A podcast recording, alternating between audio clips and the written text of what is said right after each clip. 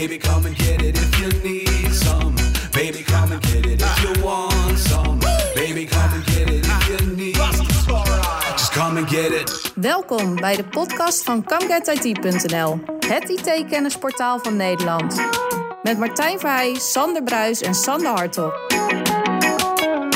Aflevering 10 van de ComGet IT eh, podcast. Vandaag gaan we het hebben over Microsoft Teams. Eh, allereerst Sander, klein feestje hè? De tiende. De tiende, ja. Ja, dat klopt. Nou, ik, ik moet zeggen dat ik het echte feestje gevoelsmatig pas ga vieren aan het einde van het jaar. Dan hebben we ook nog iets, wel iets leuks. Ja, daar gaan we wat leuks ik, In, eh, Ja, dat eh, staat in de, de, de pijplijn. maar ik, ik dacht bij mezelf, hadden we deze niet via Microsoft Teams kunnen doen? Dat hadden we misschien beter kunnen doen. Maar ja, fysieke meetings eh Ja, nee, het eigenlijk altijd wel... Eh, inderdaad. Maar goed, het, het, het, het onderwerp vandaag is Microsoft Teams, wat zich natuurlijk heel goed leent. Ik luister ook wel eens een andere podcast waar dat soort technieken ook gebruikt worden en toegepast worden. Maar inderdaad, beter gewoon face-to-face. Maarten, welkom. Dank jullie wel. ja, Maarten is niet de eerste keer trouwens in onze ComGet Nee, podcast. Nou, laten we gelijk maar. je- We hebben je gesproken, of eigenlijk Martijn heeft je gesproken op Express Live. En de vraag Ja. is dan, ehm, wat ik, nou ja, vertel eerst eens, wie is Maarten Ekels? Alright, eh, in het kort. Ik ben eh, mede-eigenaar en eh, technisch eindverantwoordelijk bij Portiva. En Portiva zijnde doen wij Microsoft Cloud breed. Dat implementeren wij bij onze klanten. Doen wij met een mannetje of 100, eh, bijna 100 man groot inmiddels. En eh, daarnaast ehm, eh, ben ik Microsoft MVP, wat zoveel inhoudt dat Microsoft waardeert wat ik doe voor de community. Ja. Eh, ik ben Microsoft Regional Director, wat zoveel inhoudt dat Microsoft waardeert wat, ik, wat voor feedback ik teruggeef aan de product groups. In de regio. nee, ja, dat is een mooie, de Regional Director. Het is zo'n term, ik vertel dat ook niet zo heel vaak bij klanten, omdat dan vragen ze, werk je dan voor Microsoft? Ja. Als je Microsoft Regional Director bent, nee. Dus de term is misschien ook wat ongelukkig gekozen, maar het is het titeltje wat Microsoft eraan heeft gegeven. En het houdt gewoon in dat het is een, een select gezelschap. Zijn er eh, wereldwijd eh, ongeveer 150 van, 160 geloof ik. En het zijn mensen die veel op C-level niveau bij klanten zitten en die veel feedback van klanten krijgen, en we- die ze kunnen teruggeven aan Microsoft. Als Microsoft zelf aan een klant vraagt, wat vinden jullie er nou van? Dan geeft een klant vaak een ander antwoord dan wanneer ze dat aan een partner of een trusted advisor of aan iemand vertellen. Ja, echt? Eh, ja, dus die ervaring zouden jullie misschien ook nog wel hier en daar moeten hebben. Wellicht soms. Ja. Maar dat werkt, eh, dat werkt goed en dat geeft eh, eh, ons weer rechtstreeks toegang tot de product groups.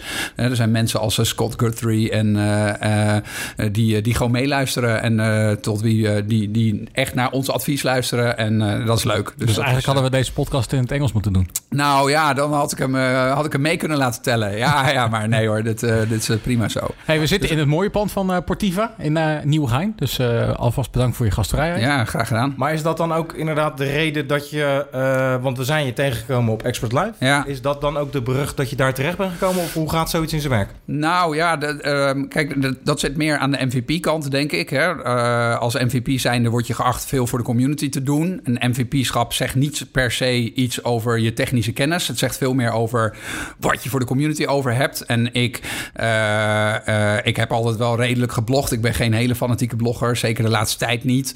Maar ik ben wel een hele fanatieke eh, Ik vind het onwijs leuk om voor een groep te staan en eh, ja, daar te vertellen over hoe je technologie kan inzetten Ja. en eh, wat je er allemaal mee kan. Eh, dat doe ik heel veel. Ik word daar veel voor gevraagd. Ik mag dit jaar ook eh, op Ignite spreken bijvoorbeeld. Oké dan. Eh, Dus dat is cool. En eh, ja, zo ben ik ook op Experts Live eigenlijk terechtgekomen Nou. eh, om daar te Ik spreken. eh, sluit graag aan. Ik ben die wereld nog aan het ontdekken op dit moment. Ik presenteer graag de podcast. Ja. Maar eh, ja, we gaan niet doen met een podcast live. Dus wie weet... eh, cool. Cool. Ehm, Maarten, we hebben jou op Expert Live eh, gezien over een sessie over Microsoft Teams. Het Yes. onderwerp. En eh, toen ik tegen Sander zei van... Sander, zullen we het eens over Microsoft Teams gaan hebben in onze podcast aflevering? Toen zei hij van... Nou, Martijn. Daar hoef ik niet lang over Daar hoef ik niet aan te denken. Dat is, bedoel, je zou bijna zeggen het tool van het moment. Ja, zeker. Ja, hot Maar topic. Ook Ja. eentje die we eh, kunnen onderschatten. Want eh, ik zou zeggen, we zetten Teams aan eh, voor de eindklant. En eh, ik zou zeggen, hier heb je, kun je sites aan maken, je, je chat aan uitvoeren. Of je chats in gaan, gaan Ja. bijhouden. En, eh, en ga met die banaan. Ja, ja mooi. Dat vonden we in het verleden ook van SharePoint. En dat vonden we in het verleden ook van allerlei andere platformen. En toch blijkt dat gewoon niet zo te zijn. En het is eigenlijk wel een beetje krom ook. Hè? Want eh, in de, als je kijkt gewoon naar de con- consumentenkant... iedereen weet hoe die Facebook moet gebruiken. Iedereen weet hoe die WhatsApp moet gebruiken. En daar krijgen we ook geen uitleg voor. Dus dat is ook wel vaak dan een beetje de insteek vanuit IT-afdelingen... van ja, dan moet dat toch ook zo kunnen werken aan de, aan de bedrijfskant. Aan de IT-kant zetten we gewoon iets aan... en dan gaan mensen het vanzelf gebruiken. Ja, en dat blijkt in de praktijk dan toch wel tegen te vallen... omdat ze het op werk gewoon heel erg druk hebben... met hun dagelijkse taken, met de dagelijkse gang van zaken... en waar ze normaal mee bezig zijn. En als er dan weer een nieuwe tool wordt uitgerold... ja, waarom zou ik daar dan naar gaan kijken? Want ik gebruik al e-mail of ik weet al hoe ik mijn collega's kan vinden... of, of wat dan ook. Dus dat valt dan toch wel weer tegen. Daarnaast denk ik dat, eh, dat je tegenwoordig, hè, we, we zijn in de gelukkige eh, situatie dat we met vijf generaties tegenwoordig op de werkvloer eh, zitten. Ja. En ja, ook daar zie je nog wel wat spanningen af en toe tussen welke tool je wanneer, wanneer moet inzetten. En dan heb je ook met, met Teams weer, ja, dan zeker de mensen die gewend zijn, hè, de mensen, als ik even naar mezelf kijk, ik ben eh, 44 jaar oud, niet doorvertellen. Luistert ook niemand. Nee, nee, nee. Nee, precies. Maar als je kijkt naar mijn generatie, wij wonen in Outlook. Hè? en Ja. ik generaliseer eventjes, maar dat is echt gewoon... eh, die, die- Ja. Iedereen is voortdurend met e-mail bezig. En eh, de nog wat oudere mensen, die weten inmiddels ook wel hoe e-mail werkt. Die wonen niet per se in Outlook, maar die eh, zien wel... Die kijken wel op regelmatige basis in Outlook. Dat zijn ze helemaal gewend. Ja. Ja, en dan komt er in één keer een nieuwe tool. En dan, eh, dan is het eerste wat je hoort, dan heb ik weer een tool erbij. En dan al die notificaties en hoe hou ik daar dan het overzicht in en hoe ga ik daarmee om. En dat is wel echt iets wat, eh, wat je ziet. En daar moet je aandacht aan besteden. Ja, dat is wel aardig dat je dat zegt, want wij zitten toevallig nu te- tezamen, Martijn en ik, op een project waar eh, nou ja, veel uitgerold wordt. Laten we het even algemeen houden, maar Teams is daar een onderdeel van. Ja. En ik zie inderdaad, het is puur anekdotisch, moet ik eerlijk toegeven, maar ik zie meteen de jongeren op het moment dat Teams voor het eerste keer in beeld komt, ah, die login. Ja. En de ouderen, die klikken het weg. Ja, Het, is, het is bijna één op één kan je dat vertalen. Ja, maar dat heeft echt met, dat, eh, met gewenning en dat gedrag te maken. Wij zijn allemaal gewend om e-mail te gebruiken. En de jonge generatie is niet gewend om e-mail te gebruiken. Dat klopt, ja. De, de, de, de jongens en meisjes die nu van de school afkomen...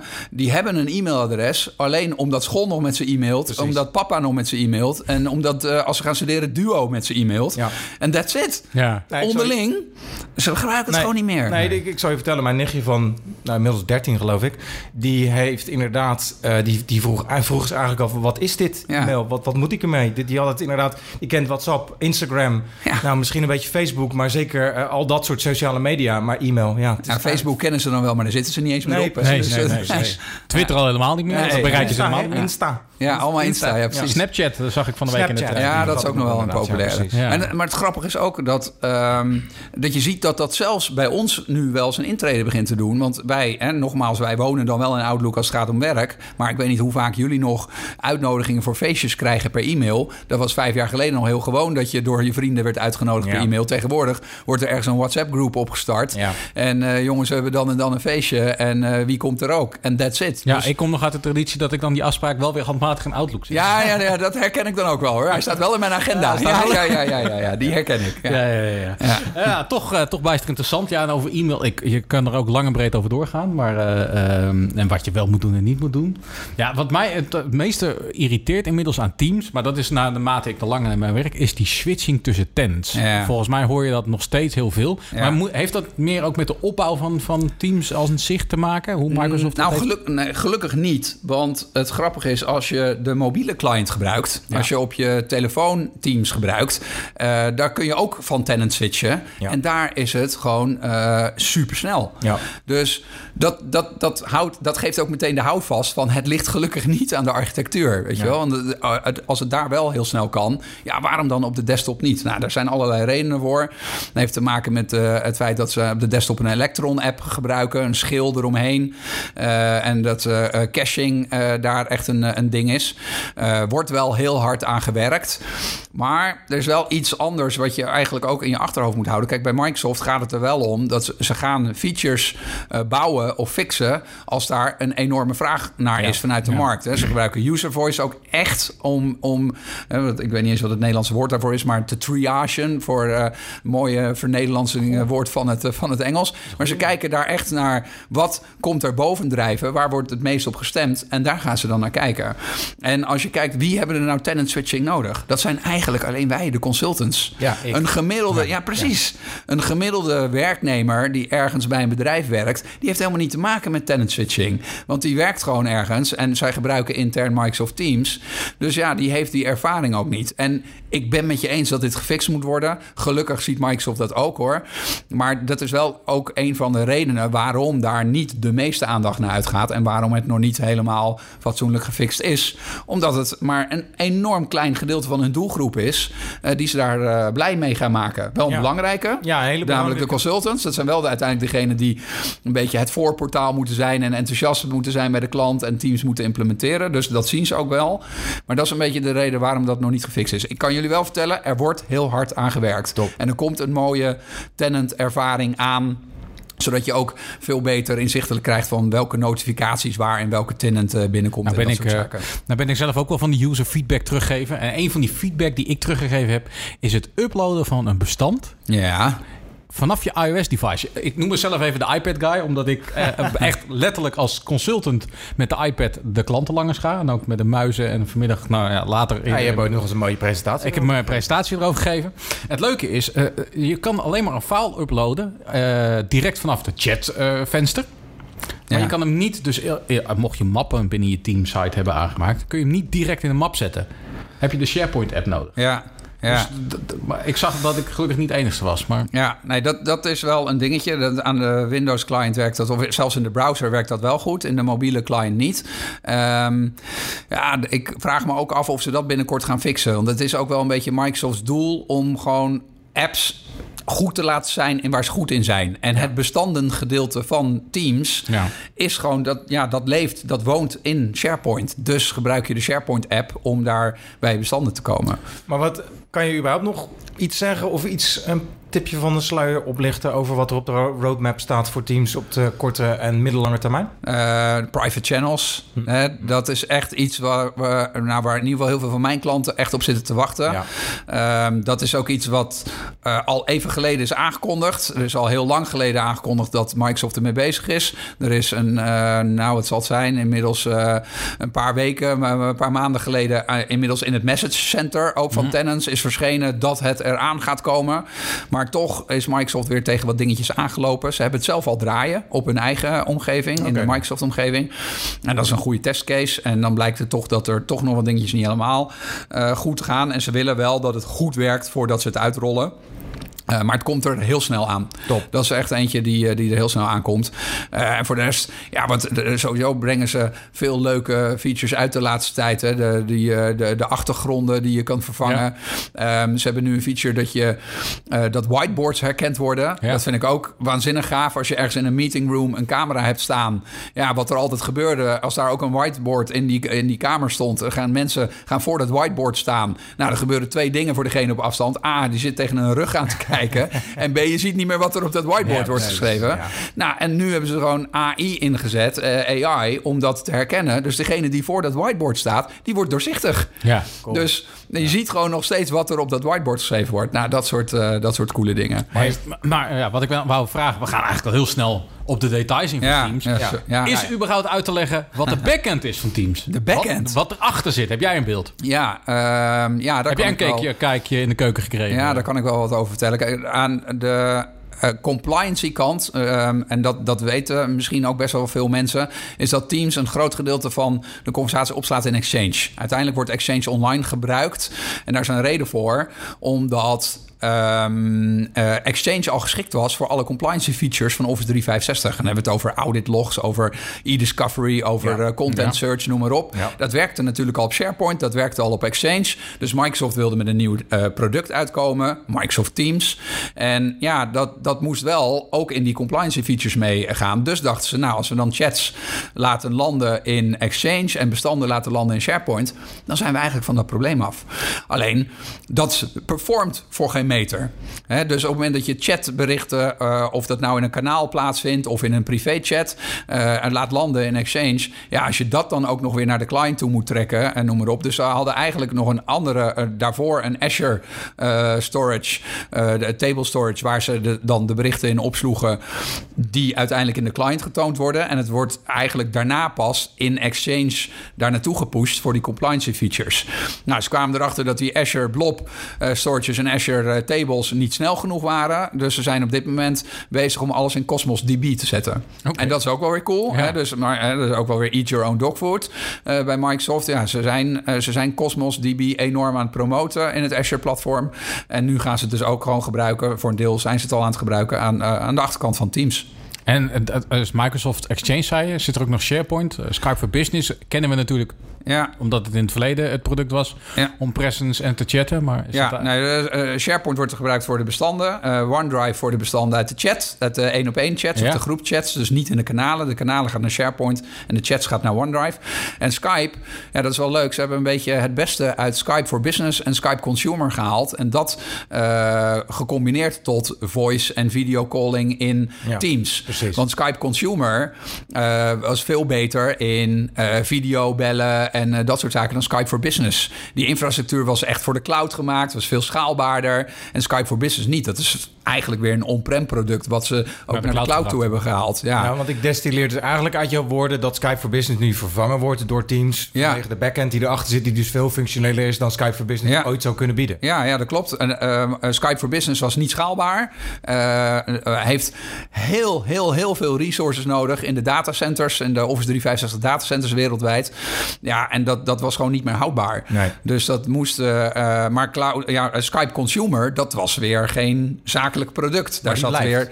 Nee, Skype Consumer blijft. Ja, Ja. hoor, ja, ja, ja. Ja. Maar wat Microsoft heel slim heeft gedaan, is de backend daarvan naar Teams toegebracht. Samen met Presence en Chat van Skype for Business. Want dat werkte namelijk wel goed. Ja. Van Skype for Business. Dus ze hebben echt het beste van twee werelden gepakt. En daar hebben ze Teams van gemaakt. En dan een klein beetje verder denken is ook de naam. Want ik kan me voorstellen dat voor mensen ook verwarrend is. Voor mij was het in het begin, hè, helemaal in het begin was het ook wel verwarrend. Skype, Skype for Business, waar hebben we het nou precies over? Dat ze ook misschien daarom gedacht hebben van... toch wel lekker dat we dan van die twee namen af zijn... en gewoon naar Teams kunnen gaan? Of speelt dat helemaal geen rol? Nee, eh, Ja, dat, eh, dat denk ik wel. Ehm, sowieso wordt er natuurlijk wel... eh, bij Microsoft is naamgeving altijd wel, Ja, een, eh, wel een dingetje. Ja. Ehm, maar ik weet ook dat voordat Teams uiteindelijk gelanceerd werd... eh, had het intern had het nog een naam, de codenaam voor Teams... toen het in eh, private preview en intern eh, werd gebruikt. Daar zat Skype nog steeds in de naam. Oké. Dus omdat het wel oorspronkelijk uit het Skype-team Ja. komt, die wilde een nieuwe infrastructuur. Eh, maar uiteindelijk, voordat het eh, in eh, public preview kwam, hebben ze toch besloten om daar Microsoft Teams van te maken. En ik denk dat naamgeving daar wel wat mee te maken heeft. Ja. Ja. Ja. Werkt Teams inmiddels ook al in shared desktop omgevingen? Want dat was nog een uitdaging, heb Ja, eh, Microsoft is heel veel aan het investeren om ook VDI-achtige eh, omgevingen om dat te ondersteunen. Ehm, het blijft wel een dingetje, maar eh, sowieso hadden ze moeite met profielen, met eh, persistency van de cache en allemaal dat soort zaken. Eh, en dan ook nog eens als je ging videobellen over die lijn. Ehm, daar zijn ze enorme stappen mee aan het maken. Of ze er nou al helemaal zijn. Ja, dat, dat, eh, ik denk dat voor veel organisaties dat het inmiddels voldoende performt om daar wel mee aan de slag te kunnen. Ik denk dat er ook nog steeds wel organisaties zijn die denken van ja, eh, hier kan ik nog steeds niet mee overweg, daar moet nog wel wat gebeuren. Maar daar, daar zijn ze ook echt mee bezig. Ze zien wel dat dat wel een valide platform is en, eh, om, ja, waar ze ook gewoon wat ze moeten ondersteunen. Ja, Dus- en wat ook verder echt doorontwikkeld gaat Ja, worden natuurlijk. Ik eh, hoor altijd de klanten om me heen zeggen... eh, ik maak me zorgen over mijn systeembeheerders... eh, als wij naar de cloud migreren. Altijd. Altijd. Altijd al. Altijd, ja. Als we naar de cloud toe gaan. ja. En ik ben op een sessie geweest van Microsoft Insight van, eh, van Maarten Ekels. En Maarten zegt, nou, hou uw systeembeheerder toch nog even binnen... want die kun je gebruiken om teamsites aan te maken. Maandje van alles. Ik denk, nou, Maarten, wat vertel je me nu? Maar ja, dat is een beetje ja, gechargeerd. le- lekker Maar- remindertje. Ja. Nee, kijk, wat ik, waar ik wel van overtuigd ben, is dat de rol van een klassieke eh, Systeembeheer. systeembeheerder, die gaat veranderen. Ja. ja. En het is dan wel aan de systeembeheerder om te bedenken of die mee gaat veranderen of niet. Ja. Want er komt gewoon een moment dat jouw rol, ja, of ja, obsolet wordt, of in ieder geval veel kleiner wordt. En dat jouw team van systeembeheerders misschien wordt teruggebracht tot één of twee systeembeheerders. Ja. Kijk, we blijven te maken krijgen met netwerken. Ik denk dat eh, eh, Active Directory, dat soort dingen, of dat nou in Azure eh, leeft of in on-prem, daar blijf je mee te maken hebben. Infrastructuur is gewoon een ding. Dus aan de infrastructuurkant blijven we gewoon wel beheerders nodig hebben. Maar aan de softwarekant, ehm, aan het beheren van allerlei servers, aan het beheren van eh, Exchange-omgevingen, SharePoint-omgevingen, dat soort zaken. Dat gaat gewoon enorm afnemen. En dat heeft te maken met het feit dat we naar de cloud toe gaan.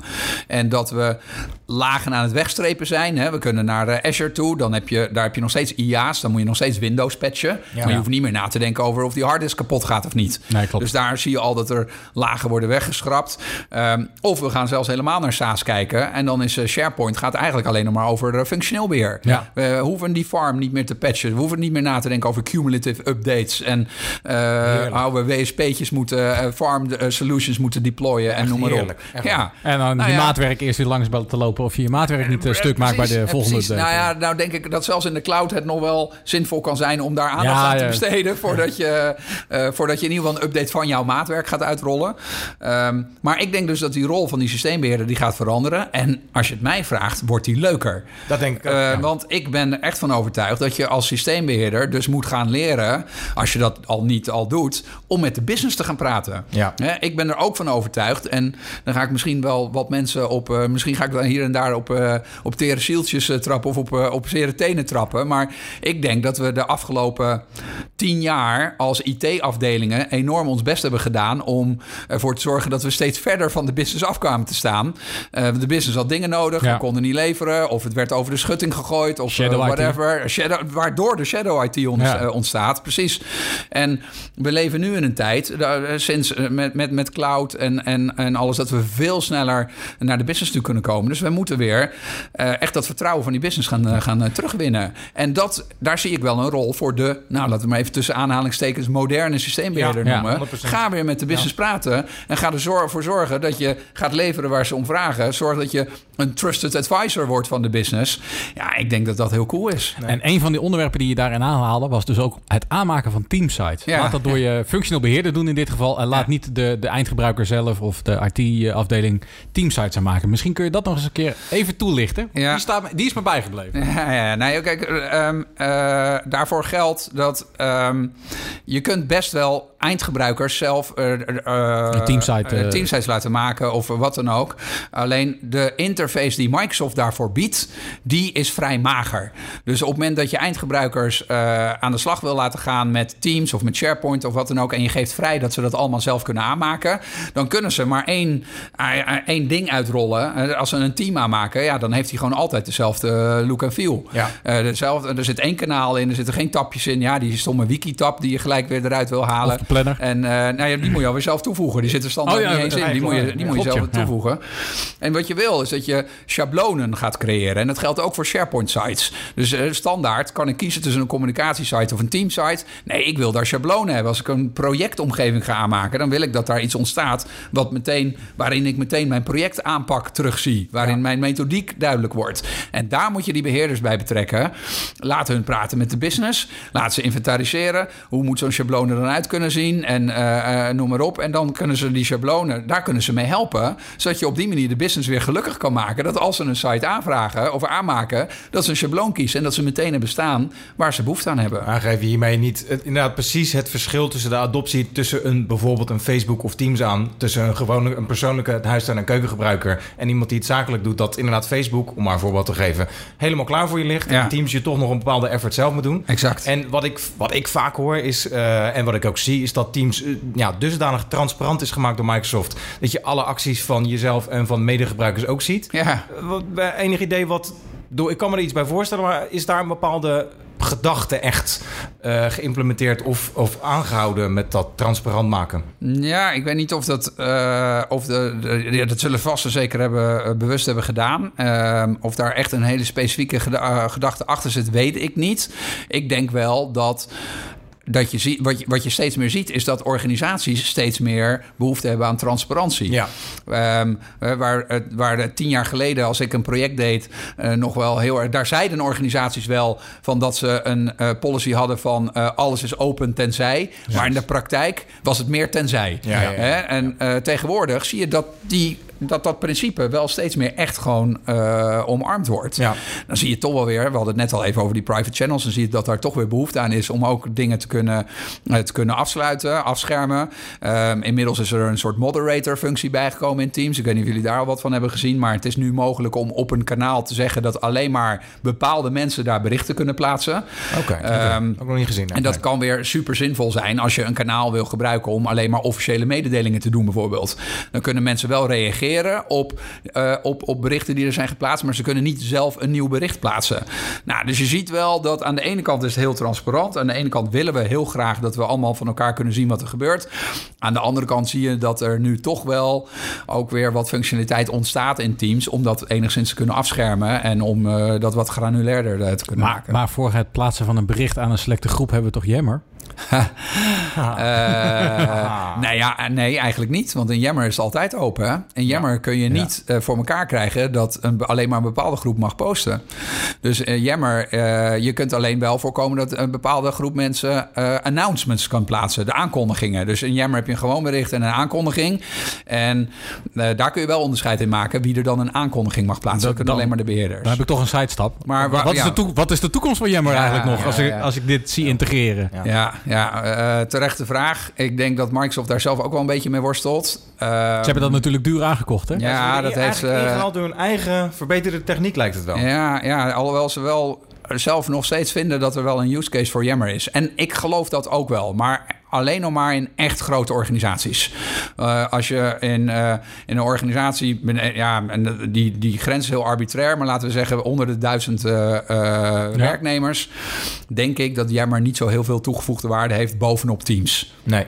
Dan kun je met Teams eigenlijk hetzelfde als met Yammer. Maar bij echt grote organisaties, nou, dat is bijvoorbeeld Microsoft zelf, maar er zijn er natuurlijk wel meer. En daarvan zijn er trouwens in Amerika meer dan in Nederland. Ja. In Nederland hebben we niet zo heel veel echt grote organisaties met Nee, heb het- tienduizenden eh, mensen. Ik heb het inderdaad echt geïmplementeerd, echt gebruikt zien worden alleen bij een grote Ja. vlieg- Ja, nou ja, ik, ook. Ja, eh, ja, Echt, bij, ja, bij zorg, inderdaad En daar- tienduizenden medewerkers heeft. nou, bij precies. grote daar- eh, waar ja, je zit. eh. nou, daar, daar werkt het ook wel. Want dan heb je wel een open platform waar mensen toch feedback kwijt kunnen of een vraag kunnen stellen of noem maar op. Het tempo van de conversaties ligt daar dan ook wat lager. Eh, eh, het geeft ook niet dat er niet gelijk een antwoord op komt. En ja, dan, daar, daar werkt dat wel. En, en Teams richt zich toch wat meer op eh, eh, ja, wat kleinere groepen. Ik zie wel, hè, Microsoft is die grens wel aan het oprekken.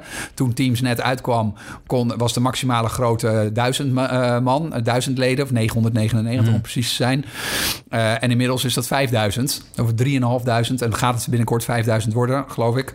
Maar het gaat in ieder geval naar die 5000 toe.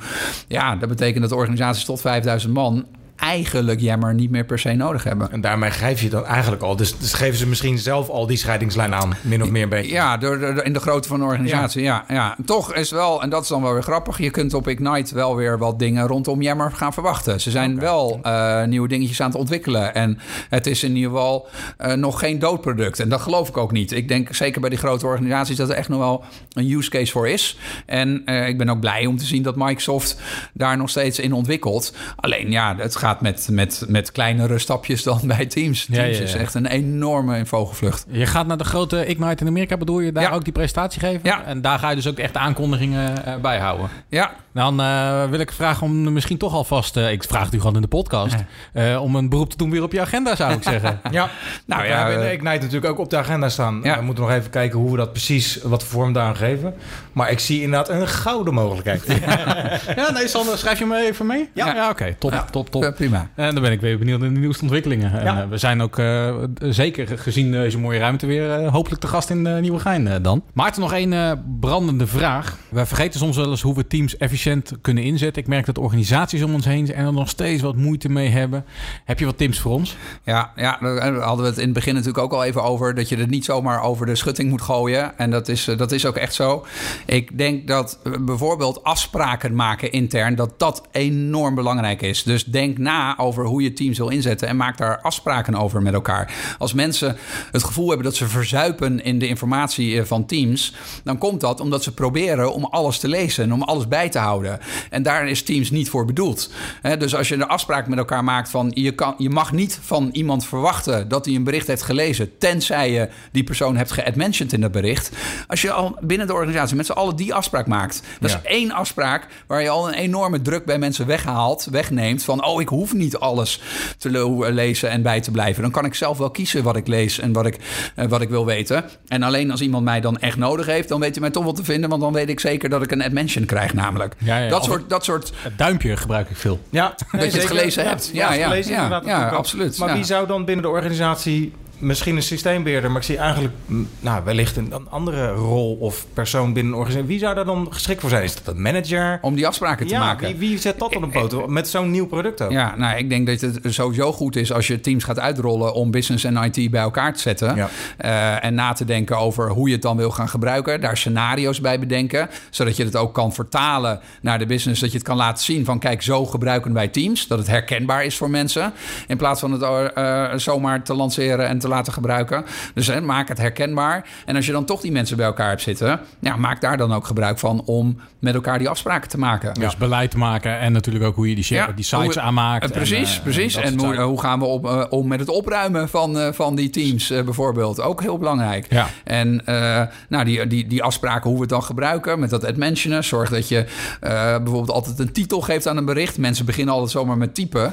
Eh, maar ja, je kan als je even op het aatje klikt, dan kun je ook een titel geven aan een bericht. En dat maakt voor andere mensen die in zo'n kanaal komen weer veel gemakkelijker om even te scannen of er wat eh, zinvols voor ze tussen zit. Ja. Anders moeten ze het hele bericht gaan lezen. En nu kunnen ze aan de titel al zien of ze denken dat het interessant voor ze is of niet. Nou, dat soort dingen. Ja, en ik, ik zie ook wel voor me dat Teams eh, over twee, drie jaar alweer een hele andere manier gebruikt wordt. Of dat mensen het heel creatief zijn in het toepassen dan we, dan we nu eigenlijk eh, voor, voor, voor ons voor kunnen stellen. Ja, je ziet ook dat er allerlei applicaties naar Teams toegetrokken Ja. wordt. Hè? Dus dat eh, het wordt echt een soort. Ja, de visie van Microsoft is dat het eh, de hub voor collaboration Ja. eh, is en wordt. Ja, dat, dat zie ik ook wel gebeuren. Stiekem afkijkend van Slack, denk ik. Ja, Want dat zie ik nog heel veel in andere ja, organisaties gebruikt worden. Ja, ja, en mensen die Slack al gebruiken, eh, die, eh, die hebben een grondige hekel aan eh, Teams, eh, hoor je dan over het algemeen. Maar dat komt ook wel omdat ze dan naar Teams eh, anderhalf jaar twee jaar geleden hebben gekeken. En als Ja, ze dan ja. nu nog een keer naar gaan kijken, denken ze, ah, er is eigenlijk wel een hoop verbeterd. En misschien is Teams zo Ik slecht. zit in een aantal Slack-channels en af en toe dan ben ik blij dat er gewoon bovenin staat 20 message or more unread. En Ja. dan klik je erop en dan is het in één keer weg. Ja, ja, ja. Dan hoef ik ze helemaal niet allemaal door te Slack, maar ik, ik, ik merk een beetje een ouderwetse wij-zij-gedachte die eh langzamerhand... Geef niet, ik gaf al een paar keer aan in deze podcast te werken samen. Ik ga je helemaal bijbrengen tijd. Hou ik je aan, hou ik je aan. Goed, komen we bij de laatste vaste onderdeel van onze podcast. De vraag die niemand durft te stellen. Dat, we, we hebben drie enveloppen met daarin drie prikkelende... of in ieder geval vragen die wellicht niet helemaal over het onderwerp gaan... maar misschien wat meer over jou. Dat, dat valt, hè? Dat hangt er hangt natuurlijk af welke envelop je kiest. Ik zeg, eh, bied hem aan. Leuk. En dan ga ik uiteraard kies je voor de middenweg? Dat, dat Ja, veel dat- mensen gaan nog We doen de volgende keer middelste. eh, de, de meest De middelste doen we dan aan de rechterkant. Ja, Ik maak hem open. Ja, ja, precies. lees me even voor. Wat voor werk zou je gedaan hebben als IT als zodanig niet had bestaan? Ja, Eh, Iets met mooi. video? Eh, iets met video, ja, dat zou, eh, dat zou kunnen. Ehm, ik denk, ik heb, eh, ben ooit begonnen met studeren met econometrie. Dus misschien had ik dat wel. maar toen vond ik IT al veel te leuk. Dus uiteindelijk ben ik toch informatica gaan studeren. Dus ik ben geswitcht. Maar als dat niet had bestaan, misschien had ik dat dan wel afgemaakt. En dan was ik wel gewoon ergens, als, ergens in de econoom, in de, als econometrist of, of iets dergelijks aan de slag gegaan. Aan de andere kant, ik heb een nieuwe grote hobby sinds de laatste paar jaar. En dat is wijn. Aha. Ik ben heel veel met Ja. wijn bezig. Eh, sowieso vind ik het lekker. Maar los daarvan wil ik er ook al, alles van af weten. En ben ik eh, inmiddels eh, zelfs eh gecertificeerd sommelier... zonder dat ik er ook maar iets zakelijk mee doe. Maar misschien dat ik wel iets in die wereld dan had Ja, ik nog, het is eigenlijk een hele dure manier om te vragen: heb je nog hobby's? Ja, ja, ja, ja, precies. Ja, nou, dat is wel, dit is mijn, mijn grootste hobby. Ja, nou, tof, tof. Ja, ja. Leuk. Rest, als we dan toch hebben over hobby's. ik vind duiken, ook sportduiken, onderwaterfotografie, onderwaterfilmen. Oh, dat, ja. Dus, en het filmen, dat, is, eh, dat, eh, nou, dat vind ik sowieso leuk. Hè. De, ik weet niet of ik eh, zelf dat linkje mag maken, maar ik vlog ook. En dan daar, daar gebruik ik dat ook in. Dat je, dat je de, met de camera op jezelf gericht. En, eh, Even, even heel flauw. Geen teamsport hoor ik hier. Eh, oh. Oh, hij maakt hem gewoon hoor. Hij maakt hem Ja, mensen. Ja, nou ja, kijk, ik heb, ik heb mijn leeftijd al een beetje verklapt hè, in Ja. eh, deze podcast. En ehm, ik heb tot vorig jaar eh, mijn hele leven lang gevoetbald. Oh. Dus ik heb wel degelijk aan teamsport gedaan, maar ik begon mijn lichaam, ze begon mij in de weg te zitten. dus helaas, ik ben daarmee gestopt. Ja, ja, ja. ja. ja. Hey Maarten, bedankt voor, het eh, ja, bedankt voor jouw gastvrijheid hier. Ik wil jou bedanken als luisteraar voor het luisteren naar deze ComKit IT podcast. Wil je meer weten over Maarten? Waar eh, kunnen we dat terugvinden? Ja, waar vinden je... Waar- waar- vinden je... Waar vinden we je vlogs? Juist. Yes, nou, Juist. eh, Maartens Cloud Journaal staat op YouTube. Eh, dus daar kun je mijn, eh, mijn vlog eh, vinden. Ehm, en voor de rest al mijn info op www.ekels.net. Mijn, eh, mijn blog en daar ook een linkje naar mijn Cloud Journaal. En op Twitter uiteraard. Maarten Ekels. Ja, Super. super. Eh, Sander, waar vinden we meer informatie over jou? Ja, de usual channels. De Everybody channels. Gewoon Google zoeken, Sander Bruis Gewoon, met de lange ei. Doe eens wat leuks inderdaad, zou ik zeggen. Eh, voor mij geldt hetzelfde. Eh, Martijn Vrij, ook met een lange ei aan het einde. Yep. Daar vind je ook genoeg informatie. En uiteraard op comgetit.nl. Ja, ik kan je alleen maar oproepen. Blijf abonneren. blijf het verspreiden. Wij zijn ook heel blij als je wat feedback geeft op onze podcast. Dan weten wij of wij ook een beetje leuk bezig zijn. En nou ja, ik zou zeggen tot de volgende. Tot de volgende. Dank jullie wel.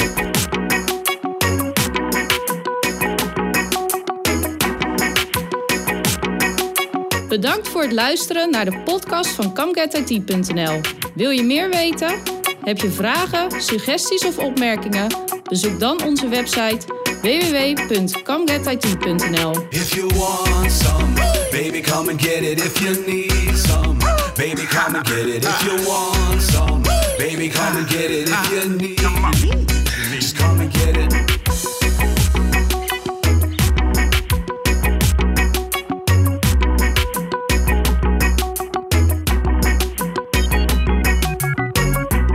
Lekker hoor, jongens. Dat ging weer als een speer.